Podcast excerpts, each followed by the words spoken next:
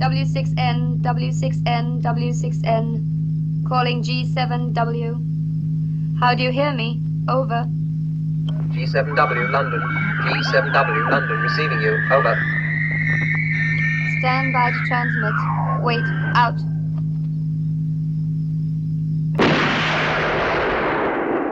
Oh, Money Penny. Um, I'm just up here at Oxford, brushing up on a little Danish. Hello, Denmark. Uh, my name's Timothy Dalton.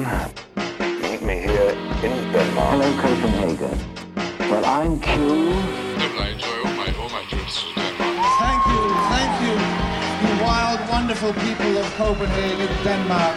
Well, then, the first thing you should know about is that we have people everywhere. Velkommen til Bondurama podcast nummer 006. Jeg er Brian Iskov, øh, filmjournalist, forfatter og webmaster for bondurama.dk.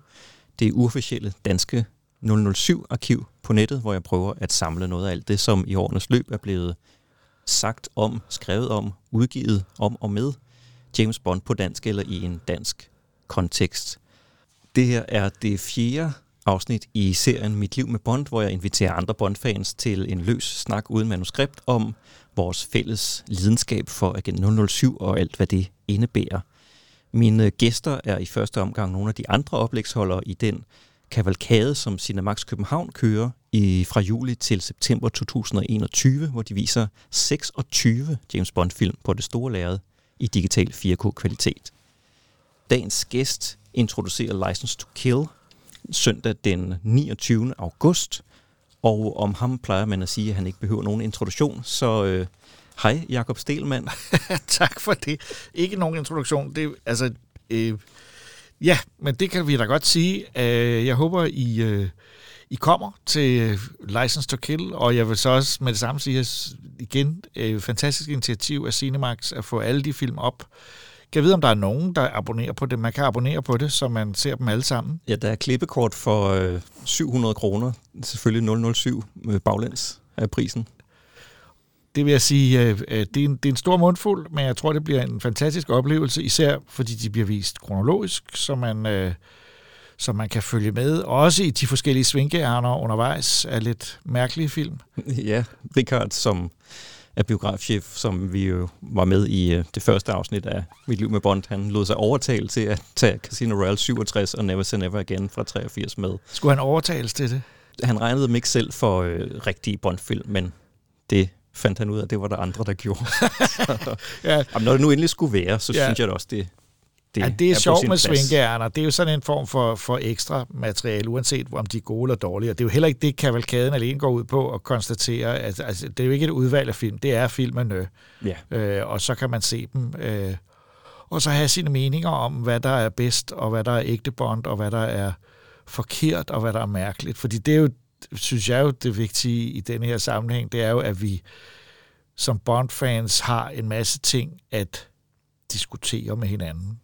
Ja, og der er altid noget at, at være uenige om, eller enige, og, Ja, og, mange, og, mange, det sidste. og mange forskellige hjørner, man kan grave ned i. Men jeg kan lige starte med, at jeg har her øh, filmårbogen 85, Åh. udgivet på Carltons forlag. Det var Ja. den første filmbog, jeg købte, og det gjorde Åh, jeg, fordi på bagsiden Ja, er der et, et, et, et fuldsides øh, farvefoto af Roger Moore i A View to a Kill, som Ja. jeg på det her tidspunkt lige havde set to gange på Ja. VHS. ja. Så den gik jeg ud og købte, og det er jo dig, der har skrevet anmeldelsen. Er det virkelig? Det er det, ja. Okay. Og, Det er jeg ikke glad for at blive konfronteret med. jeg skal nok lade være med at læse det var mange år siden. Det må du gerne, men jeg, jeg, bare, jeg vil bare sige med det samme. Jeg har sikkert skiftet mening. Øh, men øh, jeg, jeg husker ikke, at jeg var voldsomt positiv. Øh, ikke så meget for den, nej. Lidt, lidt ambivalent, kan man godt ja, men mærke. det tror jeg illustrerer meget. Det er en Roger Moore-film, og det er jo for mig at se ambivalent øh, hele vejen igennem. Men det, det, jeg synes at har været spændende øh, ved at skulle tale med dig, blandt andet, er, at øh, du er lige en generation over de andre gæster, jeg har haft med. Så du har jo været i live, da Dr. No havde premiere i 63. Også kun lige i live.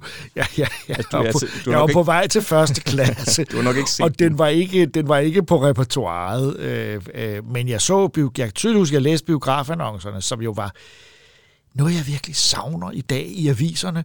Der er ikke nogen tegneserier, stort set, i aviserne, og der er ingen biografannoncer. Det var så fedt at kigge ned over siden og se, hvad der nu gik.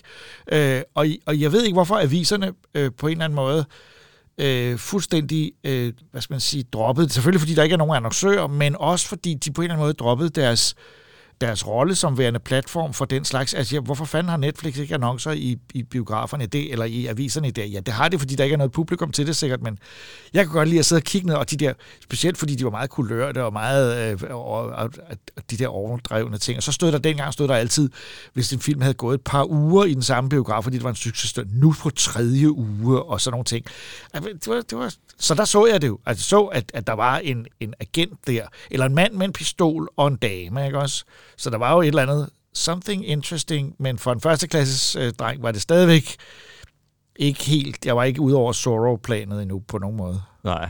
Men altså, vi andre, vi har jo kommet ind i det via VHS, og så åbenbart også meget tysk tv, fordi vi er Ja. fra provinsen. Ja, det er men, sikkert men, ikke mærkeligt, nej. Men, eller men, det er ret mærkeligt. Men du må have haft en anden vej ind i det. Ja, det var kun biografer. Der var jo ikke andet altså, øh, øh, på det tidspunkt, fordi øh, tv var udelukket.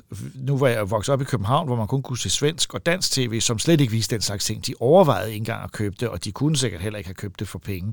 Øh, så det var biograferne, og det var jo, det gode ved det var at biograferne var vant til at gentage film. Så for, selvom man, øh, jeg først begyndte at gå rigtig i biografen i slutningen af 60'erne og begyndelsen af 70'erne som 10-12-årig, så var der jo masser af film, der var 10, 15, 20, 30 år gamle nogle gange i biograferne. Altså jeg kunne for eksempel gå ud og se Buster Keaton i, i øh, Boulevarden på Sønder Boulevard, øh, som var, var øh, Peter Reifens biograf ved siden af, af kamera.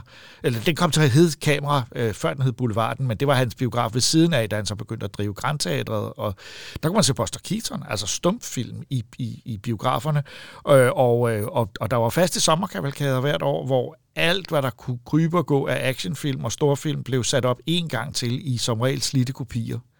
Og det var dengang biograferne var nødt til at skrive, når Lawrence Arabia kom op en gang til, var de nødt til at skrive ny kopi, så folk vidste, at hele filmen var der og ikke var gået i stykker ved hver overkørsel. Men det var der, jeg mødte Bond også. Det var jo i biografen. Øh, Og jeg gik forbi Nørreport Bio, som jeg boede i nærheden af, og så jo, og det var en fast Bond-biograf, og så de der billeder, og vidste, at det var forbudt. Altså, det var spændende. Øh, Så der gik nogle år, før jeg, før jeg rent faktisk fik lov til at gå ind og se en af dem. Og de var forbudt af børn under 16 år, så jeg... Okay, skrappe sager. Uh-huh. Kan du huske, hvad det var? Ja, ja, ja. Altså, øh, øh, det var... øh, øh, Du lever kun to gange, som den hed på dansk. Ja. Der var min første Bond-film. Øh, Og øh, jeg kan ikke huske, om det har været 1970 eller 71, jeg sneg mig ind til den, fordi den var forbudt for børn under 16 år. Så jeg skulle snige mig ind. Jeg var 12-13 år der. Jeg kan faktisk ikke huske øh, præcis, hvornår, men det var Nørreport, fordi de var ikke særlig omhyggelige med at tjekke folks alder. De var rablende ligeglade. Så der steg mig ind og så den, og den øh, gjorde stort indtryk på mig, altså især fordi jeg var rystet over, at øh, øh, helten kunne blive dræbt i starten. Det var helt, det, var, det, det gjorde meget dybt indtryk på mig, og jeg synes, det var forkert.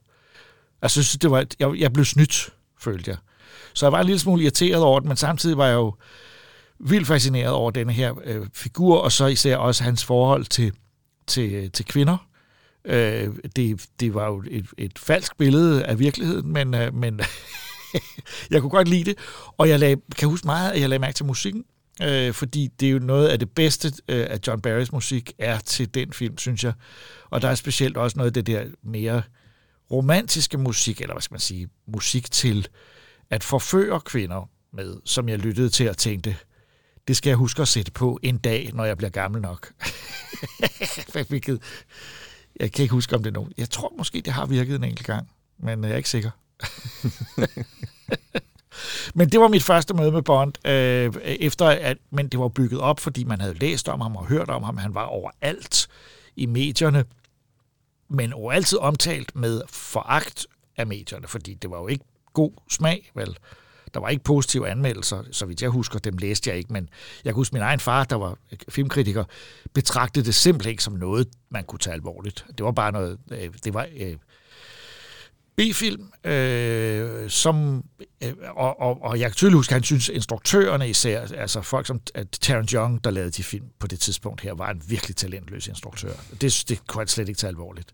Men han kunne godt lide Sean Connery, øh, det kan jeg huske, og, men det var nok også især på grund af Marnie, Øh, så hvor han pludselig havde fået sådan en, åh, oh, han kan spille med i fine film, ikke også? Ja, det var en rigtig instruktør. Det var en rigtig instruktør Hitchcock. en rigtig film.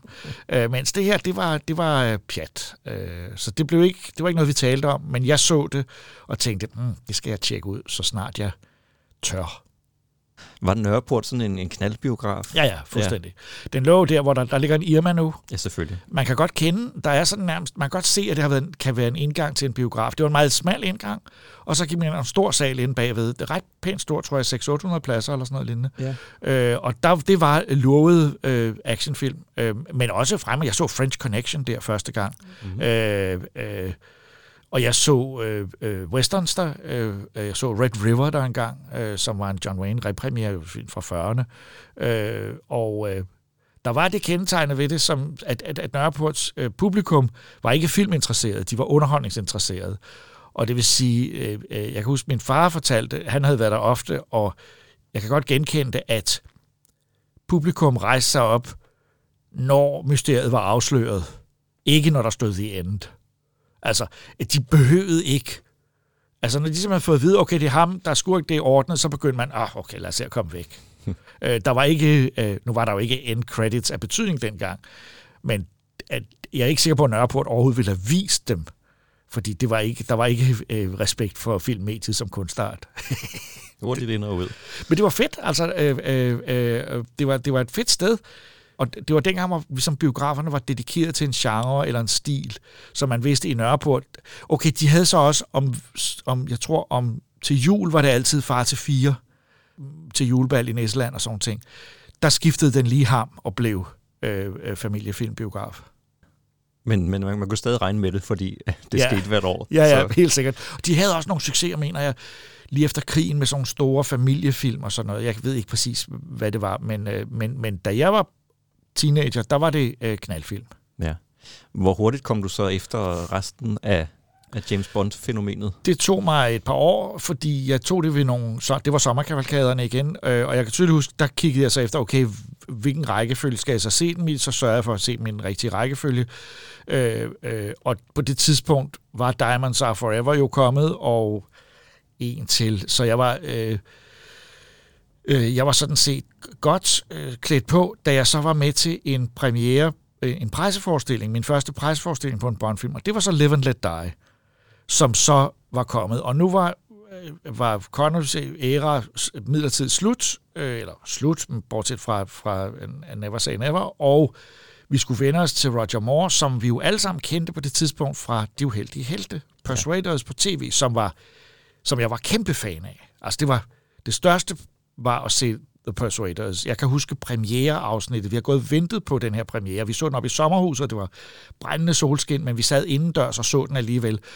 Så vi havde placeret ham som en et, elegant, Karl Smart actionhelt, og vi havde også, jeg havde også som helt ung set uh, Helgenen, The Saint, som, som Roger Moore spillede, og enkelte episoder af, af Maverick, hvor han jo var med, men der havde jeg ikke genkendt ham. Øh, og, og og jeg synes, han var forkert. Det må jeg så sige. Jeg synes, jeg kunne godt lide de uheldige helte. Jeg synes, han var alt for morsom.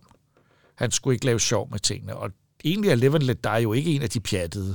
Den er forholdsvis øh, har- seriøs, men jeg, jeg, jeg synes ikke, det var rigtigt. Men det var en interessant forpremiere, fordi med til forpremieren, presseforestillingen sad øh, Jane Seymour, øh, og hun, hun var der og gav interviews til de øh, journalister, der ville interviewe hende. Det var slet ikke som i dag, hvor det er altså sådan, at man booker og får fem minutter. En hver af journalisterne kunne gå hen til hende og sige, nej, men må vi, skal vi snakke om filmen? Og det kunne man så, og min far, han, som jeg var med ind til den her, øh, øh fordi han skulle anmelde filmen, var fuldstændig ligeglad og ville bare ud af døren med det samme, fordi han ville ikke snakke med sådan en eller anden starlet. Øh, og, og jeg ærger mig bare over den dag, at jeg ikke tog mod til mig og gik over og snakkede, men fordi alle kunne gå ind og tale til hende. Der var slet ikke noget... Øh, der var ikke nogen øh, pressefolk, der sådan løb rundt og sagde, øh, øh, fortæl os spørgsmålet for inden, og du får fem minutter med, med Seymour. Så det var helt øh, afslappet. Øh, men jeg kan huske, at jeg kom til at, øh, jeg kom til at gøre min far lidt flov, fordi på vej ud øh, var jeg sådan, jeg havde ligesom registreret, at jeg havde set den her film, og så synes jeg egentlig, det var lidt som alle de der serials, som jeg øh, holder meget af, og havde øh, øh, øh, beskæftiget de gamle Republic serials, for det er det jo også. Der er bare gang inden fra først til sidst. Og så kom jeg til at sige, og, øh, at det er jo lidt ligesom Jens Lyn, og sådan lidt nedsættende, og der kan jeg huske, han sagde til mig, det gør du ikke igen, På vej ud af filmen fra en pressekørsel, der taler man ikke om den nedsættende. Det gør man først, når man er ude på gaden, og presfolkene og de andre ikke kan høre en. Fordi jeg var sådan lidt bralleret ud med det, ikke også? Karl Smart. jeg ved ikke, om, du også, om det er normen, men jeg ved, man kan ikke rigtig lide at snakke med de der øh, pressemedarbejdere om filmen bagefter, hvis man synes, den var dårlig. Vel? Altså. Øh, ej, så har man noget, man skal nå. Ja, det er, ja. ja. ja, men det er dejlig film. Tak, hej hej. Ja. og så hjem og skrive.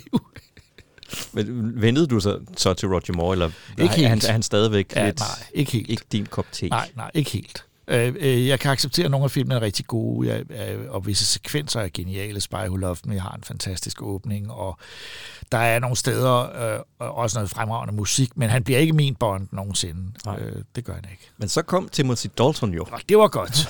Og det var ham, alle de film har du valgt License to Kill, Ja. som den du ville introducere. ja. Øhm, hvorfor lige øh, den?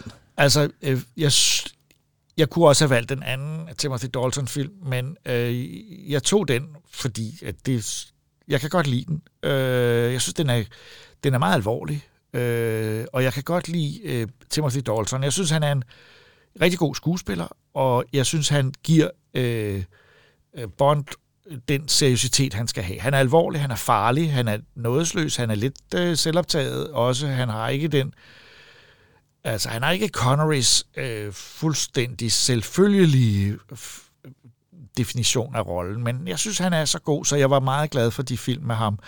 Øh, og så synes jeg også, den er... Øh, for det første, den er seriøs.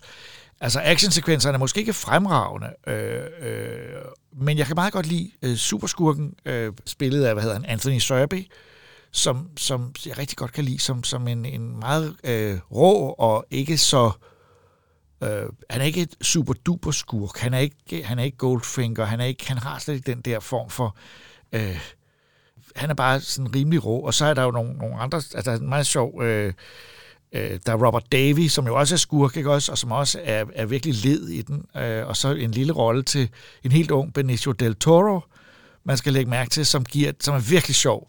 Som en sådan vanvittig hvad er han, henchman eller sådan et eller andet for Ja. en af dem, øh, og, og det kan jeg rigtig godt lide.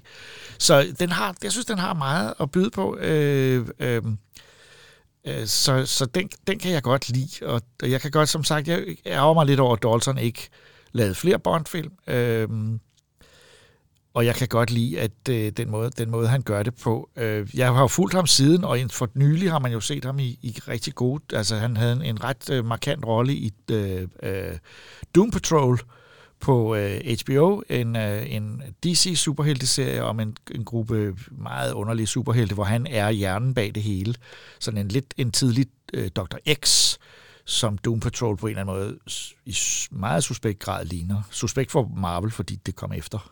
Øh, øh, men var det, hvad var det, han kom? Jo, han var med i Rocketeer, Ja. øh, og som er en af mine yndlingsfilm fra den periode. Øh, så ja, hvor han gav den som en superskurk, øh, eller en ret skurkagtig type, som var bygget lidt over Errol Flynn, som jo var kendt for at have nazistiske sympatier. Øh, så, altså, og det var han, han var så fullblown nazi her øh, øh, i Hollywood, og det synes jeg var skønt. Altså. Så jeg, jeg synes, han er en, en morsom og samtidig meget seriøs øh, skuespiller, og det, det morsomme har han lidt lagt på hylden i Bond. Ja, det er ikke det, der, Nej, øh, der passer ham bedst, kan man Nej, godt nej, mærke, slet ikke. når han skal være Ja, det. ja. Nu du nævner hans skurkerolle i Rocketeer, han, han har generelt været ret god som skurk, Ja, også i Hot ja. Fuzz.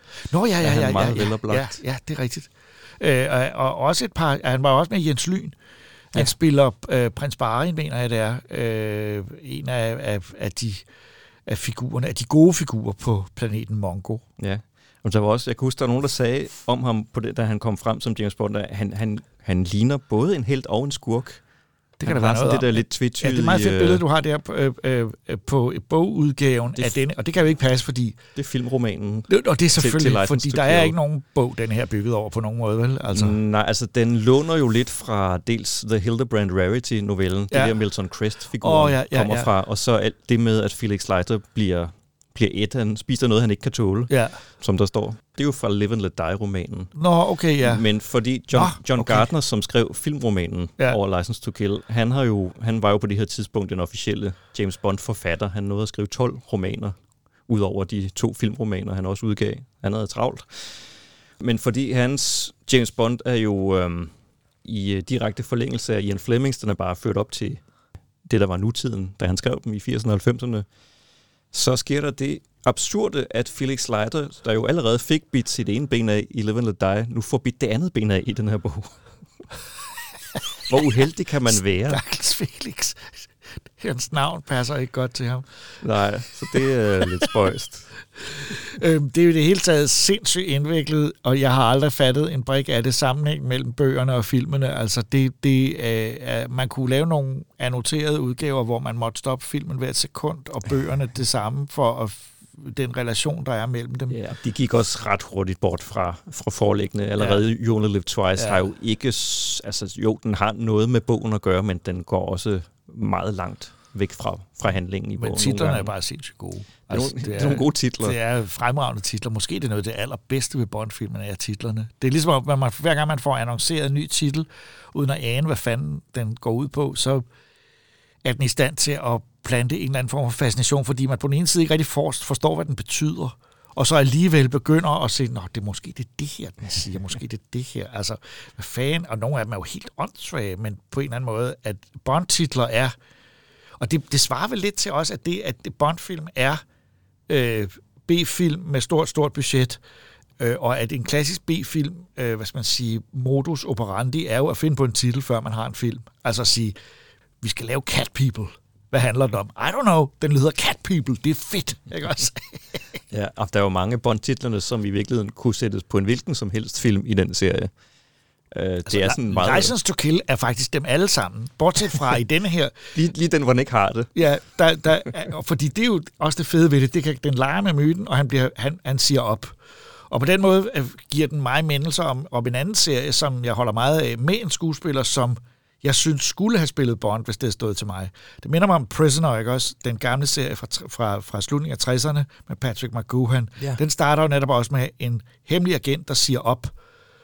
Og det skulle han ikke have gjort, fordi øh, så bliver han interneret mod sin vilje et sted, han ikke ved, hvad er, og hvorfor, og finder dybest set aldrig ud af det. Altså, det er en fantastisk serie. Og, og, og det sker jo selvfølgelig ikke for Bond her, men, men der er stadigvæk det der, han bliver en rebel over for sit eget system. Han vil ikke finde sig i de ting, der sker.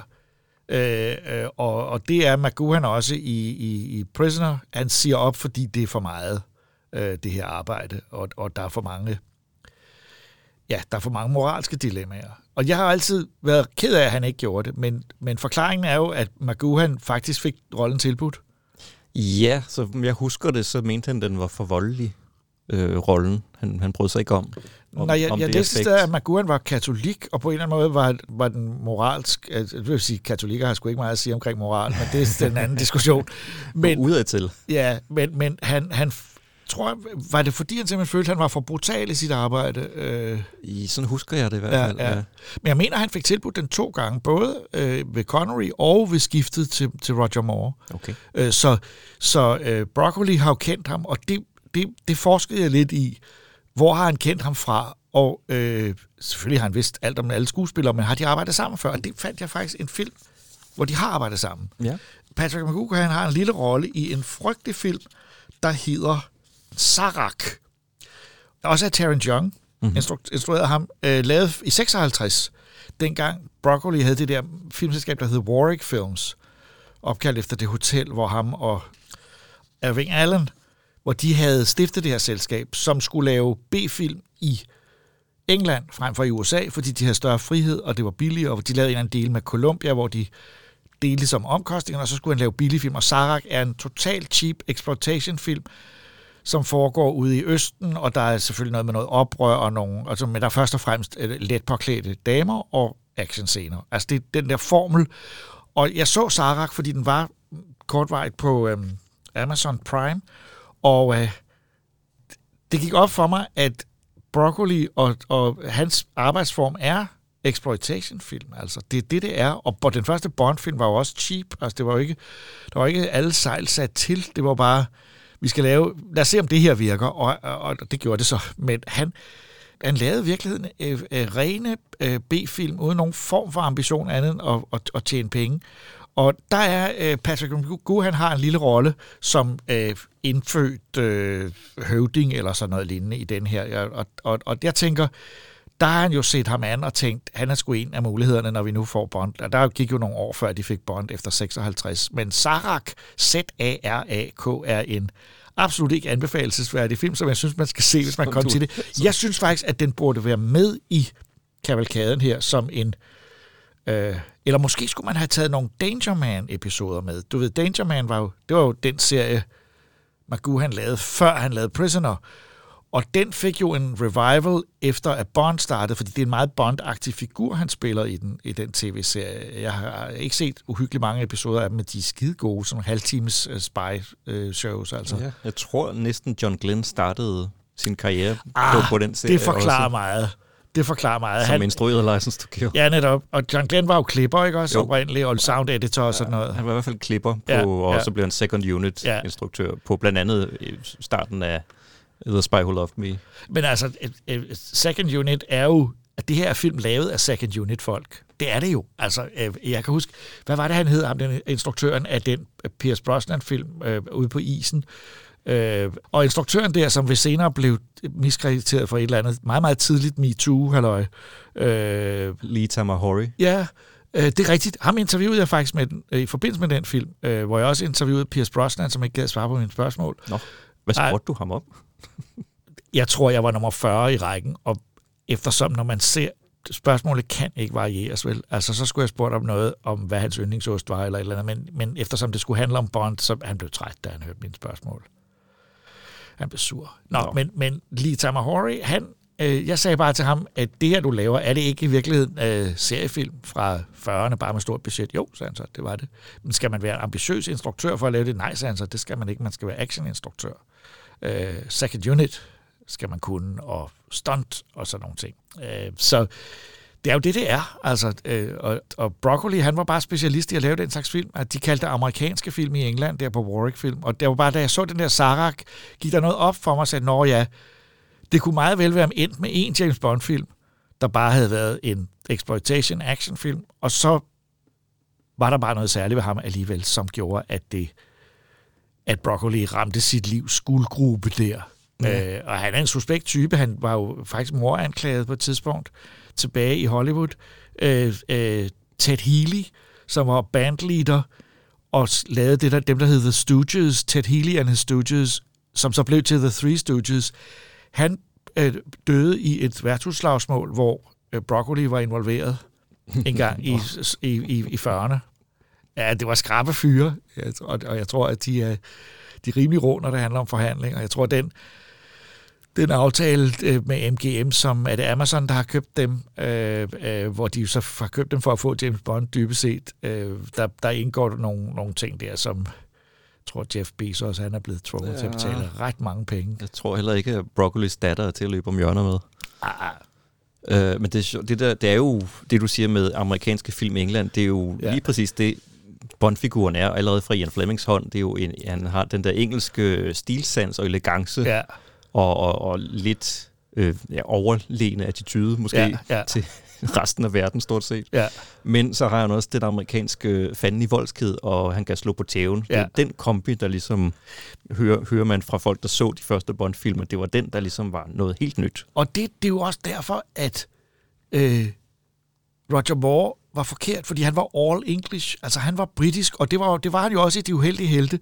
Der var han jo britten.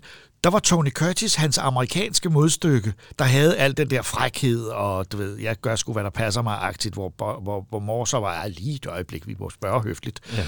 Og måske var det derfor, man selv ville acceptere ham, og i virkeligheden hellere ville have, at Tony Curtis havde spillet James Bond, men han havde så bare ikke været engelsk nok. Og der er kombinationen af Connery med, med det skotske element, og den der, det, er- det, det er derfor, det fungerer, det, nu får jeg pludselig går det op for mig, ja, og, øh, og det er derfor, folk er faldet for ham blandt andet, fordi han også, også fordi han repræsenterer noget med sex, som englænder helst ikke vil have med, vel? Altså, no sex, please, we're British, ikke også? Ja. Man har jo også indtil videre kun været spillet af folk fra, fra Commonwealth. Har der, det? Der er jo, de, de, de hyrede en amerikaner til, til Diamonds Are Forever, indtil de lokkede Sean Connery tilbage. Det var vist mest sådan en, Ja. For en god ordens skyld, må vi hellere have en stående klar, hvis nu Connery siger nej. Det var, Og så den der tv-udgave af Casino Royale. ja, Barry Nelson, Ja. ja. han var også øh, amerikaner. Dorsk med norsk, Okay, norsk blod i årene. Hvilket ikke har noget med noget at gøre. Nej, absolut ikke, men det... Men, øh, Men så det er alle sammen skuespillere fra Commonwealth, øh, hver en af dem? ja, englænder, australier, skotter, øh, Ja. ja. maliser irer. Okay. Så øh, ja, må vi se, hvad den næste bliver Ja. efter Daniel Craig. Ja. Det, vi snakkede om før med Timothy Dalton, det er jo lidt det samme, der sker i Daniel Craigs film. Det der med, at han er rebel, og han sætter sig op imod sin overordnede, og vil ikke rigtig passe, Ja. tilpasse sig. Og, så han var jo forud for sin tid. Dalton, kan man sige, når man ser tilbage på det. Jeg vil du ikke også tro, at der er meget af, af Daniel Craig i, altså at han har løftet noget af Timothy Daltons måde at, at tage rollen på? Eller er, jeg for, er, er, det for, er, de- er de for langt fra hinanden alligevel? Mm, altså, de kommer nok det samme sted fra. Altså, de er jo altså, teaterskuespillere. Men altså de, altså, de er jo ikke for at sige nødvendigvis noget negativt om alle de andre, men altså, Dalton og Craig er jo de mest seriøse skuespillere af Ja, ja. Hvor Roger Moore var meget personality star, Ja. som spillede stort set ens, uanset hvad han lavede. Ja, og jeg synes sympatisk på den måde. Jeg har jo ikke noget imod Roger Moore. Han har lavet et par film, hvor han er, er, han er ond, øh, eller pludselig er, er mere øh, noget andet. Men han har jo altid været sådan lidt tongue-in-cheek og lidt øh, charm, charmeur. Ja, han var ikke meget for at tage det alvorligt. Man kan også Nej. godt se, at han bryder sig ikke om at slås. Han Nej. vil hele tiden sparke til de der bondskurke Ja, ja, og håndlanger. ja, Ja, ja. Det ser lidt fjollet ud. Og sådan var det også i De Uheldige Helte, kan jeg huske. Det var, det var altid, det var altid uh, Tony Curtis, der måtte, måtte klare ærterne på den konto. Og så kunne mor jo rigtig godt lide at klæde sig ud. Altså, han, der var en klassisk øh, episode, der hedder Death in the Family, som er virkelig fremragende, som var en genindspilning af den, der hed Syv små sønner, en engelsk film, hvor han giver den som adskillige medlemmer af sin egen familie, adelig familie, både kvinder og mænd, og det er fandme sjovt. Og man kan se, det er en episode, hvor han har været helt haft det godt. Øh, øh og, jeg, og har han ikke også altid været en lille smule uneasy over for Bond-rollen? Altså lidt sådan, jeg gør det, fordi jeg får penge for det.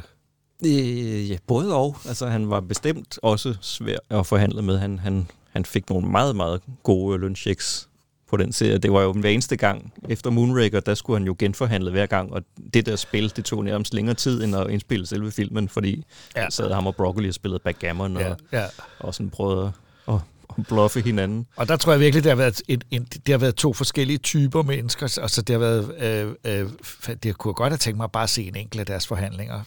Ja. Det er der faktisk en hel film i. Men Roger Moore tog jo virkelig rollen på sig i den måde, at han var en glimrende ambassadør for James Bond hele sit liv igennem. Ja, Ja. Hvor de andre mere har sådan, nej, det, det har jeg faktisk ikke lyst til at snakke Ja. så meget om. Blandt andet Dalton er jo ikke meget for at give interviews om Nej. James Bond. Nej.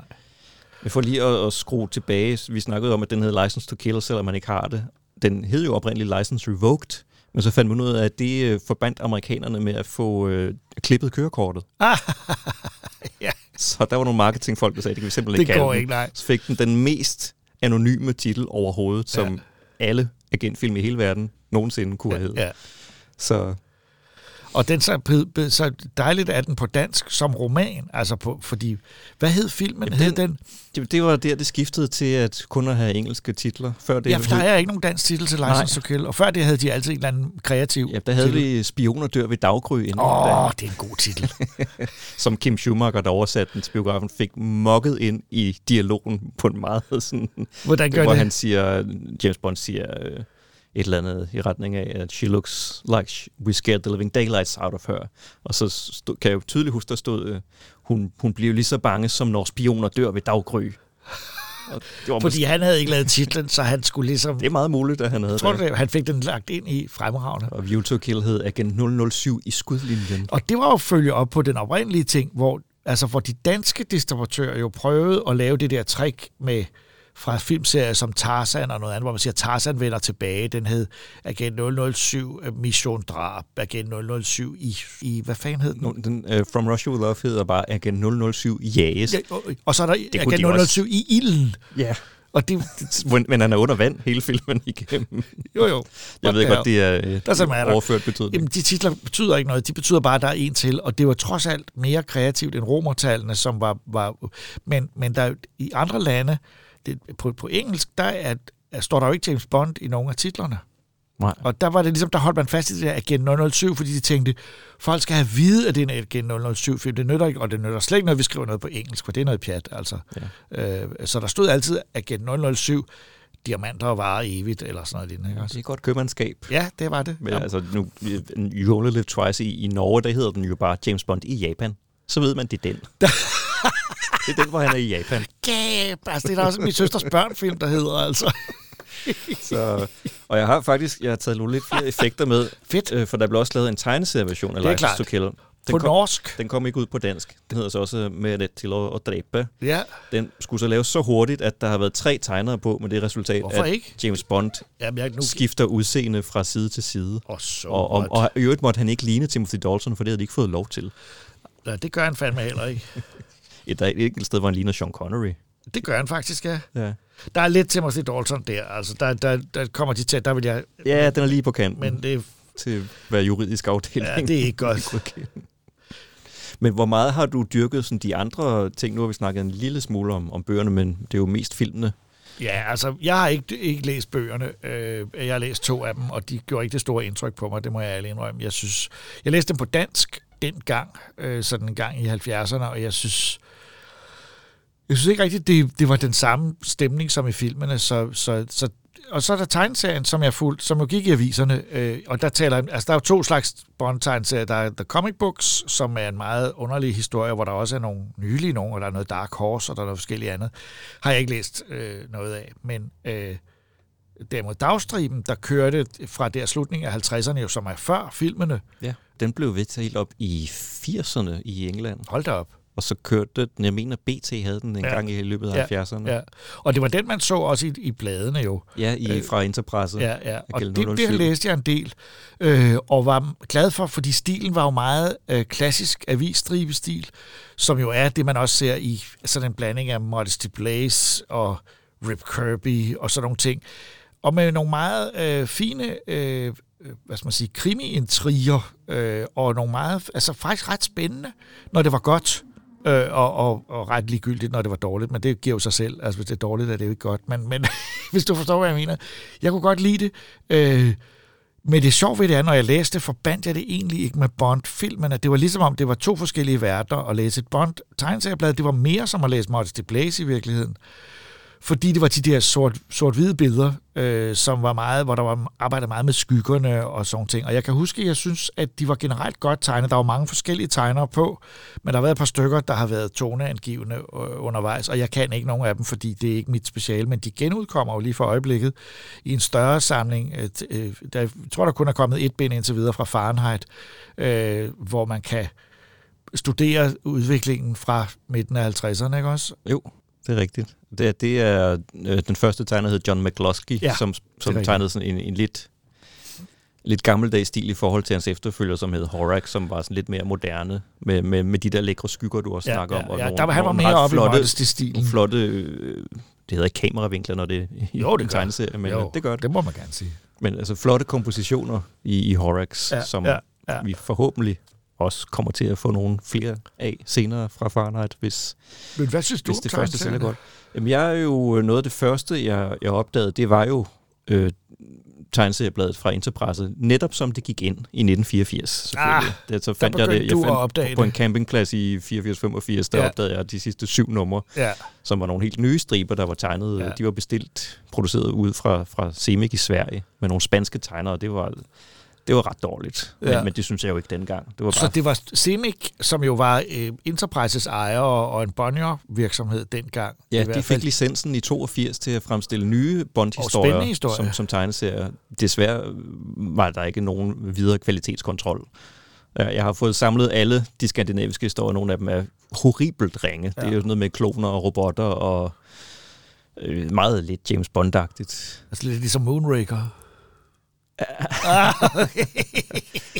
Ikke helt. Nej, men, men Men, øh, der, der er jo, altså Moonraker er jo, den, hvor det går galt, ikke også? Altså, er det ikke? Første gang, kan man sige, Ja, i okay. filmserien. Ja, ja. Det, den, det når jo, filmserien er jo sådan en cyklisk øh, størrelse, som når, når den støder på en mur, hvor den ikke kan komme længere, så, så trækker den til, lidt i land igen, og så, så når nu laver vi en seriøs film, fordi nu blev det simpelthen for pjattet. Ja. Altså det gør det med, altså allerede You Only Live Twice, den er jo meget ekstravagant, Ja, og, ja. og øh, nærmest en sådan lidt drømmeagtig Ja. i den måde, den er Ja, fortalt på. ja. Den, den, det, det giver ikke meget mening, det der foregår, men, Nej, det, det men det er flot og spændende. Ja, ja, helt sikkert. Og så laver de On Her Majesty Secret Service bagefter, som er tilbage til rødderne. Og de er jo gået tilbage til rødderne flere gange, altså Ja, ja, med ja. Timothy Dalton, efter Roger Moore, altså ovenikøbet ja. i Roger Moore-æraen, efter Moonraker kommer Your Eyes Only, som er en, en koldkrigs-spionhistorie. Ja, ja, ja. Og så igen med Casino Royale, Daniel Craig's Casino Royale efter Die Another Day, Ja. som jo også var... Altså alle nævner den usynlige bil, det synes jeg ikke engang er det værste Nej, i den film. Nej, Men, den er slem. ja. Men øh, Men du, du, det var tegneserien, vi snakkede om, og de der øh, den, de, de svensk producerede serier. Ja. Og altså, de havde jo gode erfaringer i Sverige med at få sat sådan nogle ting i gang. De lavede meget Fantomet, som jo blev en større figur i Sverige end noget andet sted i verden. 14-dagesbladet, tror jeg, det var Fantomet, som også gik i Danmark, men det var meget, meget større i Sverige. Og der Ja. ja. satte de nemlig også nogle tegnere på, som var øh, af samme, altså argentinere og andre, som var vant til at lave dagstriber til Europa, øh, øh, og, og i det hele taget hele den der industri, der også har været med Anders And, med at man øh, styrer det fra Norden, Anders Ands tilfælde fra København, og så lader man det lave i Spanien, eller Argentina, eller Chile, eller andre steder, hvor der sidder folk og kan gøre det øh, også til en forholdsvis billig penge, men så, så, de havde jo god, så det var en god idé at gøre det, fordi de havde et marked, men det gik åbenbart ikke, altså. Øh, nej, i Danmark, der gik bladet ret hurtigt ind. Det, det holdt noget længere i Norge og Sverige, men der har de også en anden fankultur og en anden bladkultur, Ja, fordi har at de de, virkelig. har abonnementer, fordi Ja, landet, ja. strækningerne er så store, at Ja. man, en kiosken kan jo ligge 100 km væk. Netop. Norge havde, har været et, et, et, et, i visse perioder et, et Eldorado for tegneserieblade, fordi folk simpelthen var så sultne, øh, hvorimod øh, det var sværere i Danmark, fordi der kom hele tiden den der kæmpe retur, som smadrede økonomien, fordi de skulle... Altså i Danmark skal man jo tage det retur, der ikke bliver solgt. Så når bladhandleren havde 20 fantomer stående, og 18 kom tilbage, så gik det galt. Og de kom tilbage ligesom på et tidspunkt, jeg, så vidt jeg har forstået, så har det tit været sådan, at når man nåede til nummer 5, fandt man ud af, hvad returen var på nummer 1. Så det var en stor investering at starte et nyt blad, og det er da også nok derfor, de gik ind. Enterprise åbnede og lukkede jo bladet i et væk i ja. 70'erne og 80'erne. Nu nævnte du lige Chile. Jeg har også fået opsnuset nogle få eksemplarer af det sydamerikanske James Bond tegneserieblad, Aha. som kørte fra 68 til 70. De havde nemlig også en licens til at lave officielle James Bond-historier, og den kom en 40-50 stykker eller sådan noget, som aldrig har været mange. trykt andre steder. Hold og kæft. jeg kan lige præcis ikke godt nok spansk til at kunne læse dem ordentligt, men der, der er jo- han jo tegnet som Sean Connery. Ja. Altså, det er jo, et- det, er jo et, det, det skal jo kortlægges, det her, kan jeg se. Det er jo mere, end hvad Wiki kan levere med overblik over James bond tegneserier Der er meget mere, end man tror. Ja, Men en ting, jeg aldrig rigtig har dykket ned i selv, det er spillene, konsolspil og videospil. Ja. Og der har du måske prøvet flere, end jeg har. Altså, jeg har ikke prøvet særlig mange af dem, men jeg har, vi har jo anmeldt dem i Troldspejlet, og klassikeren er selvfølgelig GoldenEye, som kom til Nintendo 64, øh, som ikke, altså der er jo ikke så meget med filmen at gøre, men det var jo et klassisk skydespil, øh, som havde den der element af 3D-indlevelse, som bare gjorde det suverænt underholdende at spille. GoldenEye er klassikeren inden for Bond-spil. Øh, der er flere andre. Der var også et, øh, der var også nogle tidlige spil, som, som øh, fra den gang, hvor man kan sige, 8-bits-teknologien gjorde, at det overhovedet ikke på nogen måde kunne ligne filmen. Men man, der kom alligevel et spil til, til filmene, fordi det var ligesom et licensprodukt, og man kunne lige så godt bare prøve at, at, at gøre det. Men det var som regel netop spil, hvor man ovenfra så, man skød nogle ting og sådan noget. Og det, det gav jo slet ikke nogen fornemmelse af at være i en Bond-film, mens, mens GoldenEye, det kunne altså noget særligt, og det er ligesom blevet klassikeren, også inden for, for den genre af spil, ikke, altså ikke licensspil fra film, men, men et skydespil, der har det en meget høj øh, øh, stjerne hos de fleste, og det, det må jeg indrømme, det, det er også det, det, er det eneste Bond-spil, jeg på nogen måde har, har spillet øh, øh, sådan med, med et vist engagement, fordi det var, det var sgu sjovt, altså. Jeg har prøvet en lille smule at spille From Russia With Love, fordi at der vender Sean Connery jo tilbage Ja. til rollen. Ja. Han har indtalt Godt nok den meget, en meget yngre version af Bond, så der er et, et stort misforhold mellem, hvor gammel han lyder, Ja. og hvor ung han ser ud. Det er, Det, det kan man ikke skjule. det er det mærkeligt. Der. Altså, det, det, øh, det er svært som, som gammel skuespiller og sat. Ja, der, var, der var nemlig kort før han døde, indtalte Adam West også en, en animationsfilm, hvor han spiller Batman. Og det, ja, det er jo sjovt at høre det, men det er jo ikke særlig godt. Det er synd. Men du er også stødt på nogle, øhm, hvis vi går lidt længere ud i krogene, du, du nævnte en, en paudi. Ja, jeg har altid været ret vild med, med, med øh, øh, James Bond parodier, fordi ja, det er så oplagt. Altså, det er så oplagt at parodiere. Øh, og det er klart, at på filmfronten er Austin Powers vel den store... Øh, bortset fra, at han jo ikke prøver at være Bond. Han er jo snart swinging 60's. Øh, øh, men det er Han, han er Casino Royale 67. Ja, simpelthen. Stort set. Ja, og, og, og det er jo også, musikken er jo også øh, utrolig inspireret af Casino Royales musik. Og, så, altså, øh, Burt Bacharach er jo ligefrem med, ikke også? Ja. Altså, så, Det der er klar varebetegnelse. Ja.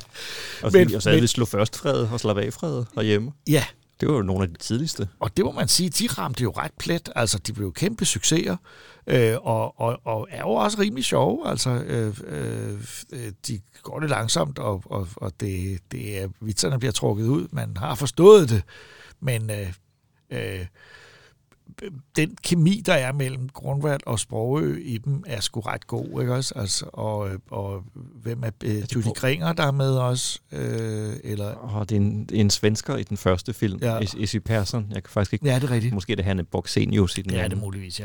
Men, Men- det er jo typisk dansk, at, hvem, når hvem skal spille kvindebedorten med ordentlig brystmåtte, og det skal jo være sprog.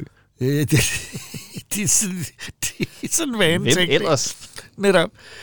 Ja, det, men, men jeg, jeg stødte på en animeret parodi, som jeg så tilbage i en gang i slutningen af 70'erne, første gang, som rent faktisk blev vist i, om, i danske biografer i nogle tegnfilmshows, øh, som blev lavet i slutningen af 60'erne på Terry Toons. Terry Toons var, et, øh, et, var det store B-tegnfilmstudie. Det var virkelig en fabrik. Det lå i mener det uden i New York, altså ikke i byen New York, men i New York-staten, men det var i hvert fald ikke på vestkysten, det var på østkysten.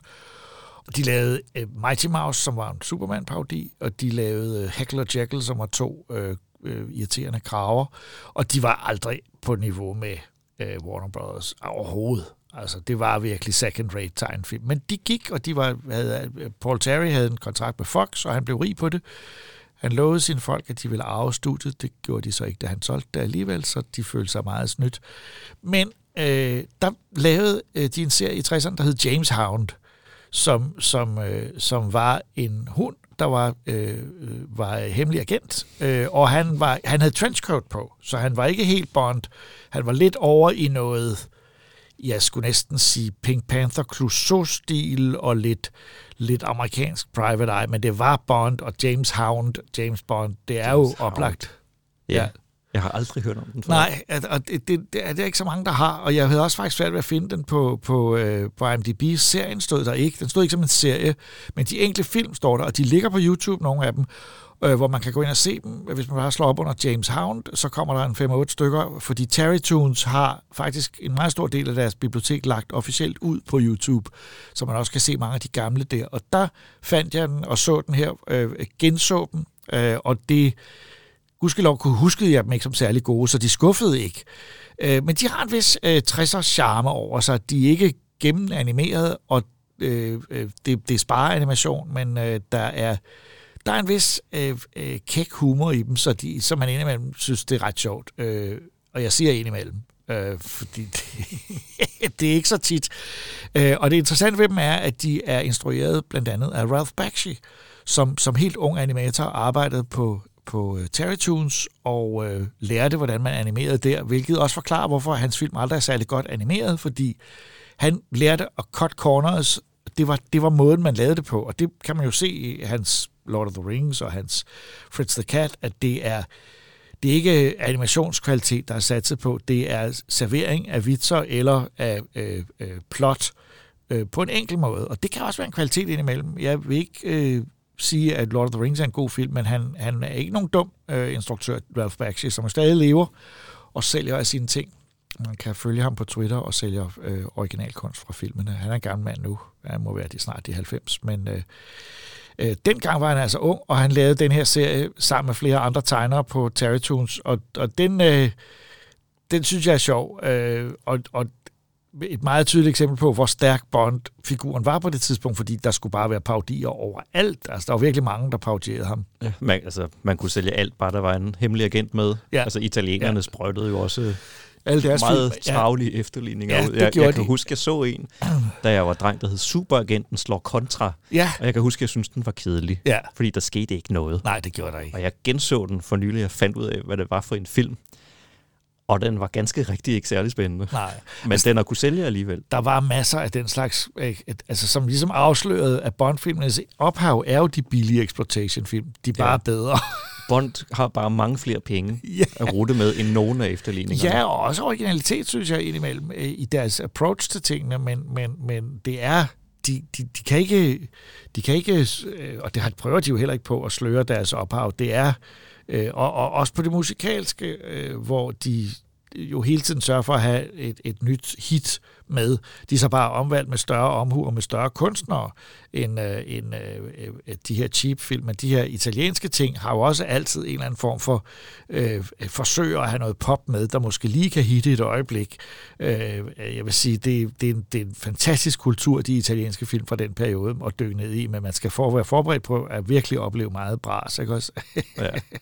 Men, men dit øh, bud på et virkelig deep cut, hvis man skal varme op til License to Kill, det er James Hound. Hvis, hvis man har set alle 65 afsnit af James Bond Jr. og stadigvæk vil have mere agenttegnet film. Ja, så er det James Hound, og man kan godt nøjes med en enkelt episode, men der ligger som sagt nogle stykker på YouTube, og, øh, og, og, og det sjove ved det er også, at temaet er jo sådan typisk den periodes opfattelse af, hvordan et agenttema er.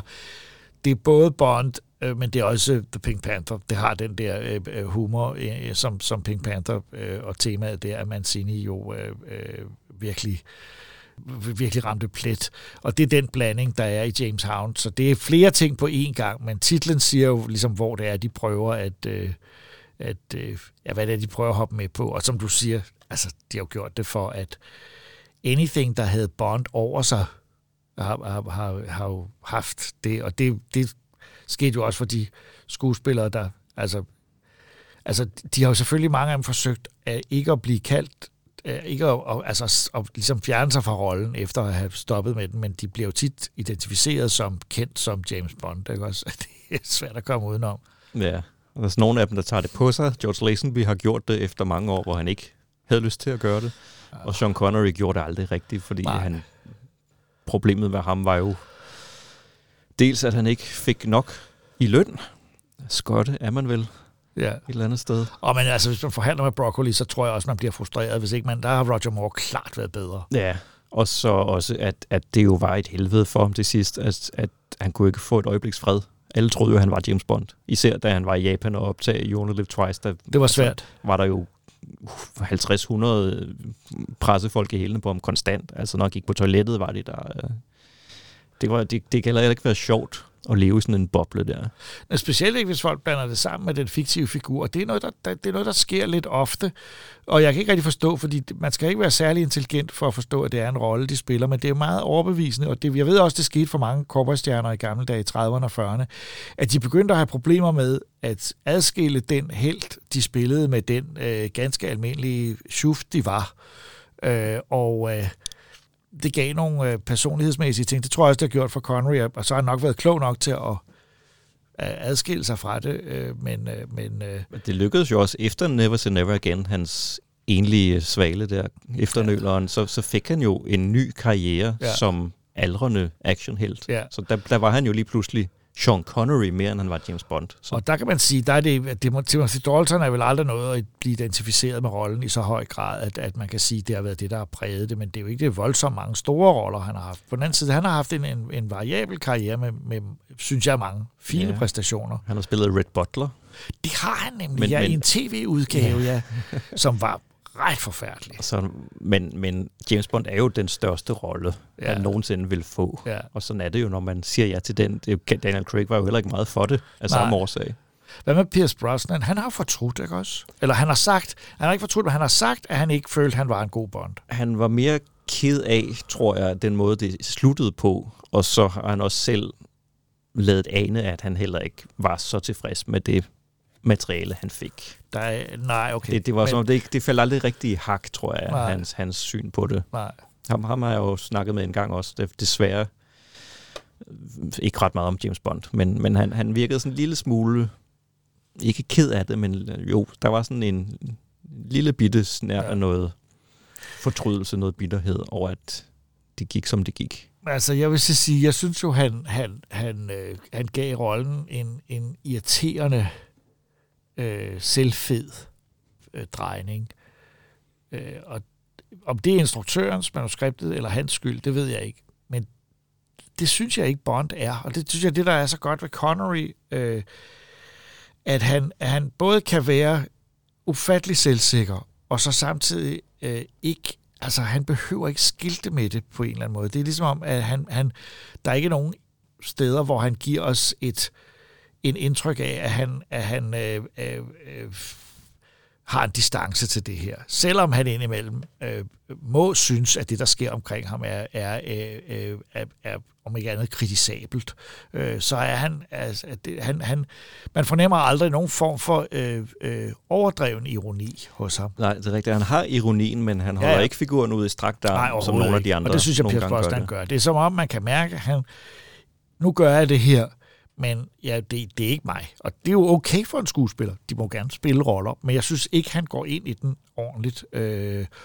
øh, og det, derfor har jeg aldrig synes om Pierce Brosnan. Øh, men der er jo nok noget ved, at Bond-filmen er så stærk i sig selv, at den Bond, man så første gang, er den stærkeste. At, vil det så sige, at, at din første var så... Øh, øh, det var Roger Moore? Øh, trods alt ikke. Øh, det var Sean Connery, jeg så først. Okay, godt. Og så det kan vi måske passe Hvorfor, hvorfor det? Helt tilfældigt. Det var en... Øh, det var okay. den VHS, der lige landede. Den var ledig? Det, det, vi lånte den af nogen. Øh, og det var Diamonds Are Forever, som absolut ikke er Connerys bedste Nej, film, det er det sgu ikke. set i bagspejlet, Nej, nej. Men, men altså for en otteårig dreng i 80'erne, så var den jo ja. fantastisk. Ja. Men så kan vi måske runde af på det. Er, er det så, øh, hvis du nu skulle vælge, ikke at man behøver det, men du har Connery og du har Dalton, jeg kan mærke, det er de to, du sådan Ja, helt sikkert. drages mest Helt sikkert. imod. Ja, ja, ja. Men Connery var den første. Er han, er han så også den største? Ja, fordi grunden til, at Dalton er god, er, at han minder lidt om Connery. Altså, det er ikke til at komme udenom. Og jeg synes ikke, der er grund til at, at forsøge at, øh, at bortforklare det. Så selvom det er banalt, så er Connery min yndlingsbond, og øh, som sagt, Dalton gør noget tilsvarende, og jeg kan også godt lide Daniel Craig, det må jeg sige. Øh, øh, og så derfra, så, ja, så er det Så ikke så er godt. der et spring nedad. Jeg har jo stor sympati for Lazenby, fordi filmen er så god. Øh, og jeg tror, han kunne være fortsat i den rolle et par, et par film mere, men, øh, men øh, det vil han jo ikke. Nej, det var lidt hans egen skyld. Det er et af de store, en af de store forkerte beslutninger, ligesom ham pladeproduceren, der ikke synes, at Beatles var noget. Det er lidt... Det, Ja. Men de sker jo, og, og, og det... Øh, øh, respekt for, at han troede, at han skulle noget andet. Ja, nu tjener han godt på at rejse rundt og fortælle om de 20 anekdoter, han nu kan om, Ja. om sin tid som James Bond. Ja. Men jeg kan, jeg kan huske lige her på falderæbet, da du var vært for øh, Agents Are Forever-koncerten Ja, inde i koncerthuset. Ja. Den, er jo også, den blev jo optaget Ja. Og sendt i tv, og så er den også udkommet på Blu-ray, men der Ja. er du klippet ud. Ja, det er jeg. Det er jo en international udgave. Ja. Så ryger man ud. Du var for dyr. Nej, jeg var for ukendt. Ja. Øh, Men, øh, men der kan være huske, du, du sagde, at lige præcis den aften, hvor de filmede, der glemte du at slå et slag for Timothy Dalton, og det, Ja. det kunne jeg mærke, det nagede der lidt. Ja, meget. Vi, jeg, vi havde, jeg havde en, en passus på et tidspunkt, hvor vi skulle diskutere med publikum, hvem der var den bedste øh, Bond, og der glemte jeg ham. Jeg, havde ham med de, tr- de tre andre, to andre koncerter, og det er øh, øh, meget ærgerligt, men nu er det så det, at mine introer er ikke med i øh, programmet, øh, så, man kan, så man kan købe den for Blu-ray og blive blive fuldstændig fri for mig og bare høre musikken. Og den er, den fungerer sgu ret godt. Og det, jeg er glad for ved det program, er, at den også har øh, noget musik fra Ipcrest File, fordi den har, hvad skal man sige, James Bonds intellektuelle alternativ, øh, Harry Palmer med, øh, øh, spillet selvfølgelig af Michael Caine i, i, i tre eller fire film, faktisk. Øh, tre biograffilm og så to tv-film meget det, senere. Ja, ja. Og øh, Ipcrest File er et mesterværk efter min mening, og en, en film, der på mange måder siger mere om, hvad spioner egentlig laver end James Bond. Altså, at det er oh, ja. embedsmænd, som faktisk laver ret trist, kedeligt arbejde, øh, og som, som øh, ikke er øh, der er ikke den samme glamour over det. Der er ikke drinks ved poolen hele tiden. Øh, og det er jo en af mine andre teorier om Bond-filmene, er noget af det, de gjorde for, for os og dem, der voksede op i 60'erne og 70'erne, og de voksne, der så dem dengang, det var, at de plantede en drøm om at rejse til eksotiske steder. Altså det er charterbranchens fornemmeste reklamesøjle var de tidlige Bondfilm. Det der med at være de der steder og flyve derhen og, og, og spille smart. Ikke også? Altså, øh, og så kunne man gøre det øh, hos Spis øh, på Mallorca til en, en rimelig penge og være en ganske almindelig kikset øh, dansker og så alligevel føle, at man kunne lidt af det der. Det tror jeg virkelig, det tror jeg virkelig er vigtigt øh, og har været vigtigt for de film, at de, at de, øh, øh de indførte den der idé om, at man nemt og og nærmest er det er en del af ens menneskeret at komme ud og rejse og være, være, være turist og være først og fremmest ikke gå og se på museer, men, men øh, se på bikini-modeller. ja, og så var de i farver. ja. Skal man heller ikke glemme. Det, og det er faktisk rigtigt. Det er rigtigt. Altså i 60'erne var det jo trods alt øh, usædvanligt øh, øh, i forhold til, hvor mange sort-hvid film der var stadigvæk på markedet. Øh, og så var de i scope, mange af dem, og var så flotte ud, og man så dem i en stor biograf, og det var, det var jo blockbuster. Øh, ja. Det var de tid, det kaldte man dem ikke dengang, men det var det. Det var i hvert fald øh, forfædrene. For, forfædrene. Forfædrene, ja. ja. Men nu kan man så se dem igen på stort lærred. Nu ikke på, på øh, skramlet celluloid, men i, i digital 4K. Og øh, den 29. august kan du få lov til at slå på tromme for Timothy Dalton. Ja når det vi skal se License Der kan jeg ikke glemme ham, det er helt sikkert. Det ville være meget det, uheldigt. Det, det, det, Hvad er det nu, han hedder? Ja, det der. Hovedrollen spilles af en eller anden, I don't know who. Ja, han, han, han, han blev ikke så populær. Nej, øh, men øh, øh, jeg glæder mig til at introducere den. Jeg glæder mig først frem til at se den på et stort lærred, fordi det har jeg ikke siden den havde premiere. Nej. Øh, og, og jeg har det så lidt på den måde, at det er dejligt, det er 4K, men jeg kommer til at savne overkørselsmærkerne lidt, øh, og øh, fordi dem har jeg stadigvæk lidt øh, veneration overfor, selvom du, det... Du, du kigger op i øverste højre hjørne. Det gør jeg, jeg elsker det, jeg gør det. 20. minut. Ja, det gør jeg, øh, og det er underligt ikke at skulle det, men øh, det kan være, at vi kan overtale Richard, øh, som jo er en stor filmfan, øh, forklædt som biografdirektør, øh, og til at øh, indlægge han kan stå med en lommelygte og, og lyse hver 20. minut op i hjørnet. Det taler vi med ham om, øh, fordi det, det vil gøre mig ekstra glad. Ja. Jeg, jeg, jeg kan huske, at jeg så License to Kill i kino i Odense, hvor de kørte den meget for hurtigt, fordi at de, de skulle nå videre til næste forestilling. De har simpelthen speedet hastigheden den, den var speedet op. Det er jeg kunne tydeligt høre det på, på sangen under slutteksterne. Oh, nej, nej, nej, nej, nej. Det, det er noget, man ikke gør. Men det kunne man gøre på de gamle filmmaskiner. Yeah. Det kan man ikke digitalt. Altså, der tror jeg faktisk, det er låst, det ja, hele. Så, altså. så det sker heller ikke nej. i Cinemax. Der var en biograf i... Der var nogle biografer i København, der gjorde det. Jeg ved, der var en biograf i Rysgade, der hed Ry Kino, som havde dobbeltprogrammer. Altså det var den der amerikanske tradition med, at der var to film, var jo ikke så almindelig i Danmark, men de havde dobbeltprogrammer, og det jeg lod mig fortælle er, at for at passe dem ind til dobbeltprogrammerne, så, så, øh, så øh, speedede de dem op til sådan 6-28 billeder i sekundet, ikke også? Så, som, og folk var sgu ligeglade, altså. Ja, der, der var ingen, der klagede over det. det. Øh, nej. De kørte også en, en, en ting med, at de delte film med en anden biograf, har jeg hørt. Sådan, så den samme kopi af filmen, for de var sindssygt dyre filmkopier, skulle køre i to biografer på den samme aften. Det betød, at man sendte taxaer ud med den ene rulle til bi- næste biograf, Øh, øh, og på den måde kunne de deles dem, så det var nervepirrende, om den ankom, inden operatøren, inden, inden den ene akt øh, øh rulle øh, udløb. Øh, øh, det ville jeg fandme gerne have set. Åh oh ja, vi skal runde af. Øh, Jakob Stelmann, tak for snakken. Vi Jamen, ses øh, tak i... fordi du kom. Øh, du kom, du, er, du kom, siger jeg til Brian, fordi vi sidder i vores, mit studie, øh, men øh, det lyder forhåbentlig øh, lige godt af det. Men tak fordi jeg måtte være med. Øh, det er altid hyggeligt at snakke med dig, og altid godt at dele disse ting. Som vi er glade for. Det er vi, eller som vi ikke kan lide, og det er det lige så sjovt, ikke også? Ja, fuldstændig. vi ses i Cinemax. James Bondorama podcast will return. Calling Secret Agent James Hound.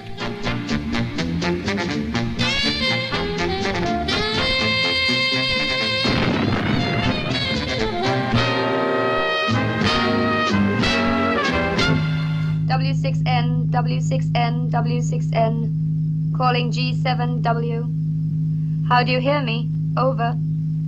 G7W London. G7W London receiving you. Over. Stand by to transmit. Wait, out.